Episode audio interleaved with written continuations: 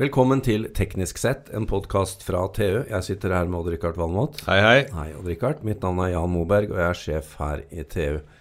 I dag Odd-Rikard, skal vi snakke litt om energirevolusjonen. Det skal vi. Den står vi med begge beina midt oppi. Ja, vi har jo egentlig vært innom det veldig mange ganger. Ja. Men, men eh, noen ganger så kan det være greit å få inn noen utenfra som kan mer enn oss. Ja, Det har vi gjort i dag. det har vi.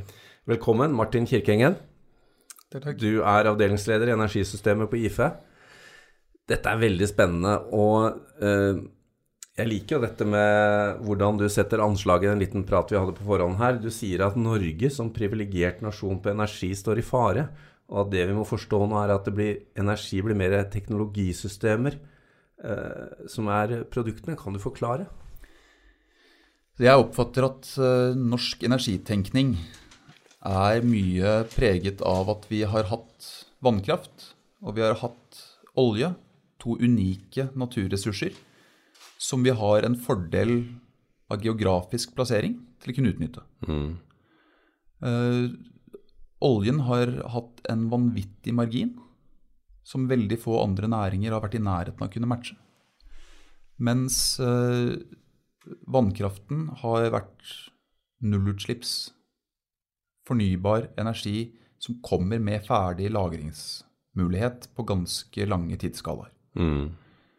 Dette er to fantastiske produkter sånn nasjonaløkonomisk sett. Eh, Men vi ser jo nå at prismessig så kan det godt hende at kombinasjonen av solcelle og batteri blir billigere enn norsk vannkraft. Oi, da, innen overskuelig fremtid. Da snur vi virkelig ting på hodet. Da er det en del land som i dag anses som ganske dårlig stilt uh, på naturressurssiden, som plutselig ser mye mer gunstig ut. Uh, Når du nærmer er, deg ekvator, ja. ja. Og spørsmålet er jo om disse landene har en politisk struktur til å klare å utnytte fordelen de er i ferd med å få. Men jeg tenker jo at land som India, uh, Kina, Texas, Mexico har jo noen enorme solressurser. Og kanskje tilstrekkelig god politisk organisasjon til at de kan utnytte dette her på en fornuftig måte. Det kan bli billigere å lage aluminium nærmere ekvator enn i Norge. Vi transporterer boksitten opp til Norge og Ja. holder på. Får finne på noe mer lurt på aluminiumsiden, da. Ja. Men, eh, men eh, hvor, hvor er vi hen i denne, dette skrekkscenarioet for Norge? Vi kan kalle det det. Hvor, hvor står vi igjen i dag, da? Er det, er det sånn at vi ser at det kommer, eller er det, er det en spådom? Eh, Jeg vil vel si at vi ser at det kommer. Eh, Vi ser ikke helt ennå hvor langt det går. eh, Og vi ser ikke helt hvor fort det går. Og Spesielt fra Norge så ser vi ikke hvor fort det går. Nei. Eh, Det er relativt få i Norge som følger med på at det skjer noe. Vi har ikke trengt å gjøre det. Nei, det begynner å bli ganske aktuelt for en del norske næringsaktører. Eh, Nå så vi jo eh, i fjor at Statoil kom med sin første prediksjon av at verden har nådd eh, toppen på olje Eller er nær toppen på oljeetterspørsel. ja. Altså Én ting, er- en ting er kapasitet for produksjon, men de snakker faktisk om etterspørsel. Så peak oil har på en måte endra fortegn. Det har gått fort. Det er ikke så Ja. mange år siden vi snakket om peak oil. Nei, og det var evnen til å produsere olje. Det er Nå er det. Etterspørselen som er, har pika. Og så er jo eh, altså Som fysiker så er jeg veldig glad i, i logaritmiske plott. Og det å se på denne energirevolusjonen med en log-skala i stedet for en lineær skala, Ja. eh, det er ganske informativt. Eh, hvis vi ser på sol, så har sol hatt en mer eller mindre kontinuerlig markedsvekst på 50% i året siden 70-tallet. Fra veldig, veldig lave nivåer, naturligvis. Fra veldig lave nivåer og til det som er et fryktelig stort tall. Altså, vi, vi går fra én lommekalkulator til verden i energiforbruk. Mm, Det er klart at det er ganske mange størrelsesordener mellom der. det er det. Eh, Det er ganske mange markedsdoblinger. Ja. Men i den prosessen så har jo da også prisen falt. Hver gang du dobler markedet for et produkt som dette her, så er det en del beslutninger som kan tas på vegne av litt flere. Det er litt større forhandlingskraft, det er litt mer effektive fabrikker. Du, du bygger en egen fabrikk for solcelleglass istedenfor å kjøpe glass fra en vindusfabrikant som må stoppe fabrikken sin for å lage solcelleglass. Mm. du kan optimalisere alle de små tingene fordi det er verdt det å gjøre den innsatsen med å finne ut nøyaktig hvor tykt det belegget skal være. Eh, så du kan spare et øre der, et øre der, et øre der. Og til sammen så blir det ganske mange kroner. Eh, og det har jo gjort at siden 70-tallet så har solcelleprisen blitt halvert fem ganger. Altså en faktor 32 da jeg litt sånn bare grovt regna på det. Den har falt mer siden da. Uh, og det er ikke noen umiddelbar grunn til at det prisfallet skal stoppe nå. Uh, det er veldig sjelden at man får tilbake marginer som først i et så konkurranseutsatt marked. Hvis du først mister margin, så skal det godt gjøres å forhandle den opp igjen. Mm, ja. Så er det klart at med Trumps handelskriger og sånn, så vet vi det er vanskelig å spå om framtiden når så store endringer kan skje. Vi ser at verdens mest energieffektive silisiumprodusent, IRC i USA, de blir jo utkonkurrert fra det kinesiske markedet pga. straffetollen som kineserne har lagt på amerikanerne, som respons på at amerikanerne har lagt straffetoll på kinesiske moduler.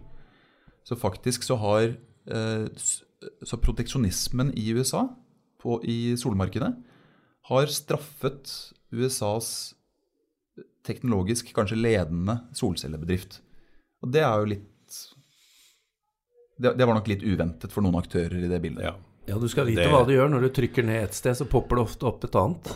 Det gjør litt mer logaritmeskalaen, det òg. Ja. Og, og, det er jo en gang sånn at hvis markedsstørrelsen blir begrenset, så blir også prisfallet litt begrenset. Mm. Eh, det, det, er så tydelig korrelasjon mellom de to. Og alle skjønner jo at når produkter blir billigere, så blir markedet større. Mm. Men det å skjønne at når markedet blir større, så faller prisen. Og ikke bare med litt, men med vanvittige mengder. Fordi det er så mange størrelsesordener i markedsekspansjon. Det er den faktoren som de aller fleste både politiske og eh, journalistiske eh, synsvinklene overser fullstendig.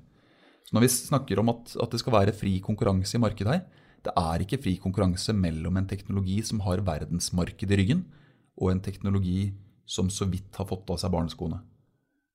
Eh, det, det, det, å hevde at man kan komme noen vei med teknologinøytralitet da, det er bare å heie på eksisterende teknologi.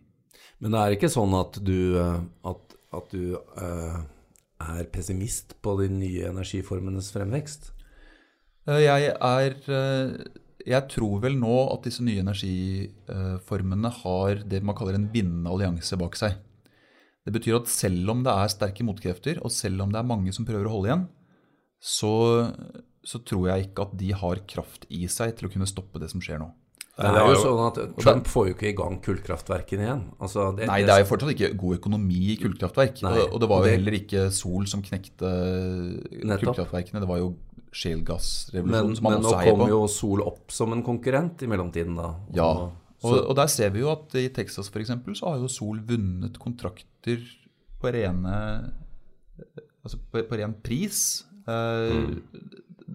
Kanskje det, det var den, den, i Texas som jeg hørte om sist, hadde kanskje noen eh, subsidier eller tax breaks eller noe sånt noe i seg. Men hvis vi ser f.eks. Uh, i Chile eller uh, Dubai og sånne markeder, så er det jo sånn at Sol vinner auksjonene på ren kilowattimepris. Nå, ja. ja. Mm. Og det skjedde, Uten subsidier. Det, det skjedde, det skjedde i løpet av de siste par siste årene. Par årene ja. mm. Og vi ser også at altså jeg, jeg, nevnte tidligere i diskusjonen vår dette med S-kurver mm. som har et tak. Altså Eksponentiell vekst det beskriver tidligfasen av en markedsutvikling.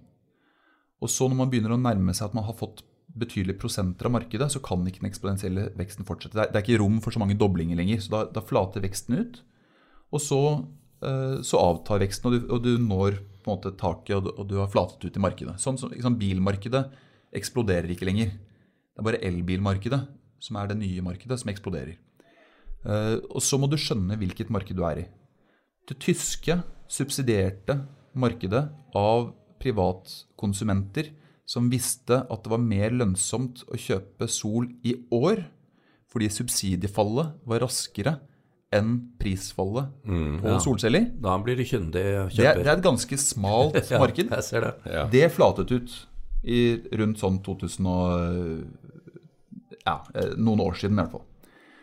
Eh, men heldigvis, da det tyske markedet flatet ut, så sto jo en del andre markeder først Først Spania, Italia og Hellas. De sto jo klar til å overta. Og så kom finanskrisen. Det er klart at den, den smalt stygt. Ja. Det, det skapte drama i solcellebransjen og forrykket veldig mange ting. Men først og fremst gjorde det at alle marginene forsvant. Noe som gjorde at prisene falt dramatisk på det tidspunktet. Eh, og det, dette er i og for seg også inne i bildet med hvor, hvorfor IEA bommer noen ganger i sine framskrivninger.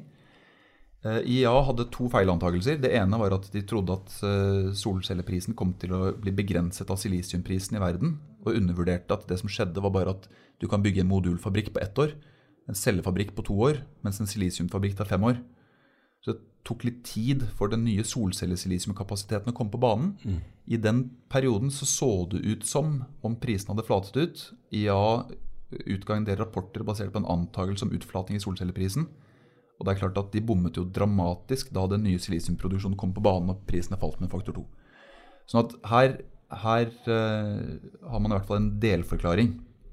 Og det skyldtes jo da konkurransesituasjonen i kjølvannet av finanskrisen, da det neste markedssegmentet, altså Sør-Europa, ble borte over natten. Mm, ja. Men så var jo Kina på banen. Fordi Kina hadde jo da installert en masse solcelleproduksjonskapasitet, og de måtte redde den industrien ved å starte sitt eget marked. Så da var det plutselig en helt annen motivasjon, eh, men også en stadig økende erkjennelse om smogproblemer i kinesiske byer, som gjorde at kineserne plutselig måtte ta et miljøansvar. Delvis for å redde egen industri, og delvis av miljøhensyn. Eh, Og så når kinesiske markedet når en slags politisk bestemt utskiftningstaktsgrense, så ser vi at da er det India som plutselig kommer på banen, er det nye store markedet.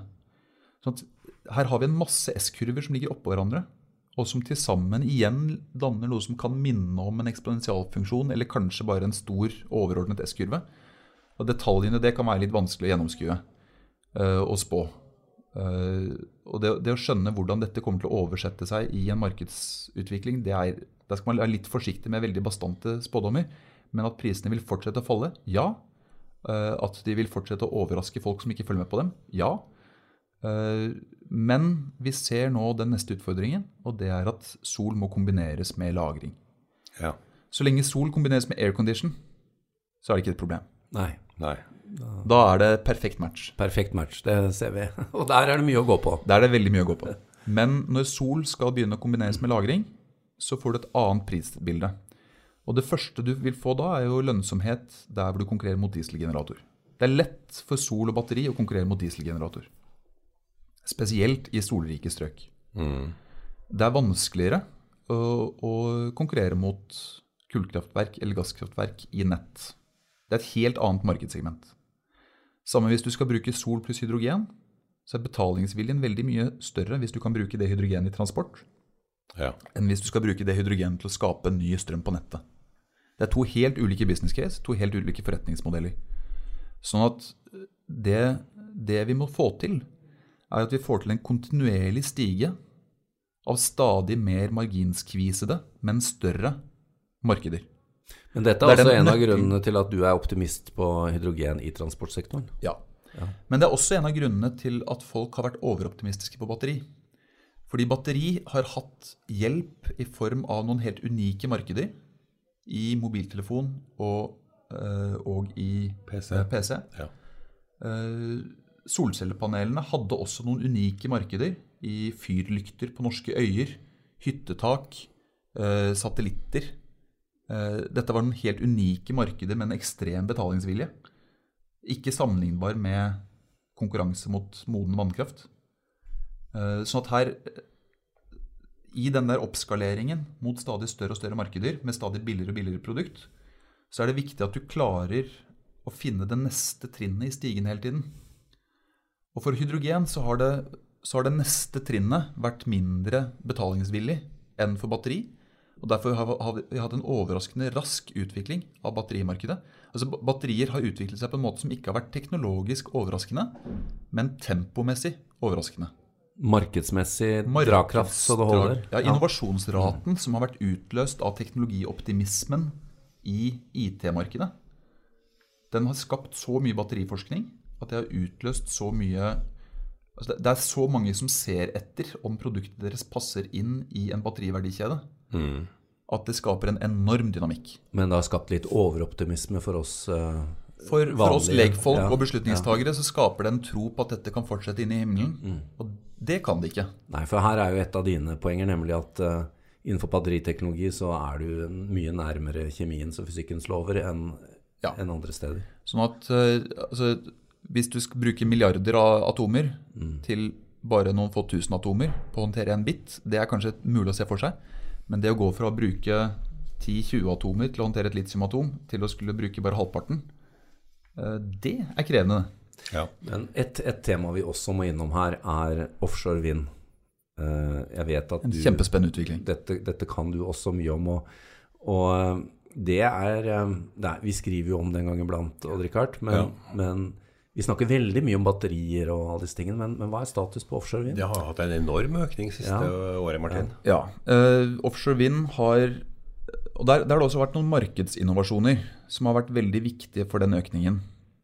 Uh, det er noe teknologiutvikling, men fortsatt så er det sånn at det meste av det som bygges av offshore vind, det bygges så lik som mulig det som lages på land. Altså bunnfast på grunne ha- havbunner og, og med kranløft av en type som man har lært av oljeindustrien. så at det, det er fortsatt et vanvittig kostnadsreduksjonspotensial i en del ting der. Men så uh, er det noen andre viktige ting som har skjedd. Og det er at man har fått nye formater på anbudsrundene, altså auksjonsformatet, for å tildele kontrakter, som har presset marginer ganske kraftig. Du har fått flere store aktører som har kommet på banen og skaper sin egen dynamikk ved å ta med seg sine kostnadskulturer.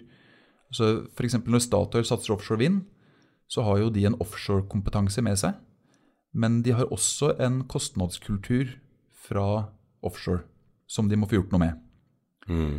Mens når Vattenfall satser offshore vind, så har jo de en mentalitet som kommer fra en vanvittig marginskviset utility-bransje. eh, Som, eh, som kanskje kan gi mer nøysomhet, da, som har gjort at de har vunnet en del kontrakter. De er litt forberedt. De, de er forberedt på kostnadsbildet. Ja, ja. Eh, Mens, og i, i dette spillet her mellom de som har en teknologikompetanse og de som har en, en slags uh, forretningskultur som er egnet for akkurat dette problemet, så, så vil det komme til å skje mye interessant utvikling fra begge sider. Mm. Så, så der er det, det er mye forretningsutvikling på offshore vind. Men så er det også en del veldig spennende teknologiløp. Eh, Da tenker jeg særlig på Statoils Hywind-satsing utenfor Skottland. Men også noen ting som er på tegnebrettet nå, som kan forandre kostnadsbildet ytterligere. Jeg har jo stor tro på masseproduksjon, eh, og jeg har stor tro på å lage ting der hvor det er lett å lage dem. Eh, Og det å lage flytende strukturer og prøve å gjøre mest mulig av jobben på land og taue det ut, sammenlignet med å skulle drive byggeplass ute på sjøen, der har jeg kanskje mest tro på å bygge mest mulig på land. Eh, Men med disse innspillene, Martin, hvordan ser du for deg da, hvis du ser de neste fem, årene, hva blir utviklingen i verdens energisystemer? For vi snakker jo ikke, som du, vi snakket om innledningsvis, vi kan ikke se på Norge lenger som, som unikt. Vi kommer til å få konkurranse på dette utenfra. Hva, hva, er i, hva er et par spådommer for de neste fem årene? De neste fem årene Uh, Mer av det samme, selvfølgelig. Uh, Mer grønt? mer grønt, større problemer på kort sikt i nettet med å håndtere den ukontrollerte energien. Dette vil tvinge frem noen nye forretningsmodeller i måten man håndterer spesielt lagring. Nett har vært vant til å være å flytte energi i rom. Nett må også bli å flytte energi i tid. Mm. Samtidig så må vi få forbruket flyttet i tid. Og balansen mellom de to blir vanskelig. Eh, koblingen mellom mobilitet og nett blir veldig viktig. Både på forretningsmodell og teknologisk. Eh, og så tror jeg at vi må bare skifte mindset fullstendig. Altså, energi skal ikke dreie seg om å forvalte en begrenset ressurs. Energi må dreie seg om å utvikle eksportprodukter til verdensmarkedet. Og den mentalitetsendringen må Norge som nasjon ta inn over seg. Og da igjen snakker du om teknologisystemer. Da snakker jeg om alle aspekter ved teknologiverdikjeder. Ikke, altså Solcellen er ikke ett produkt. Solcellene er en masse ulike bedrifter som sammen i en form for organisk symbiose skaper en fantastisk forretningsmulighet. Og Richard, her fikk vi ideen til flere podkaster. Det gjør vi. Jeg tror rett og slett bare vi må komme tilbake. Vi må ha- Tusen takk til deg, Martin. Energi på Gratulerer. agendaen.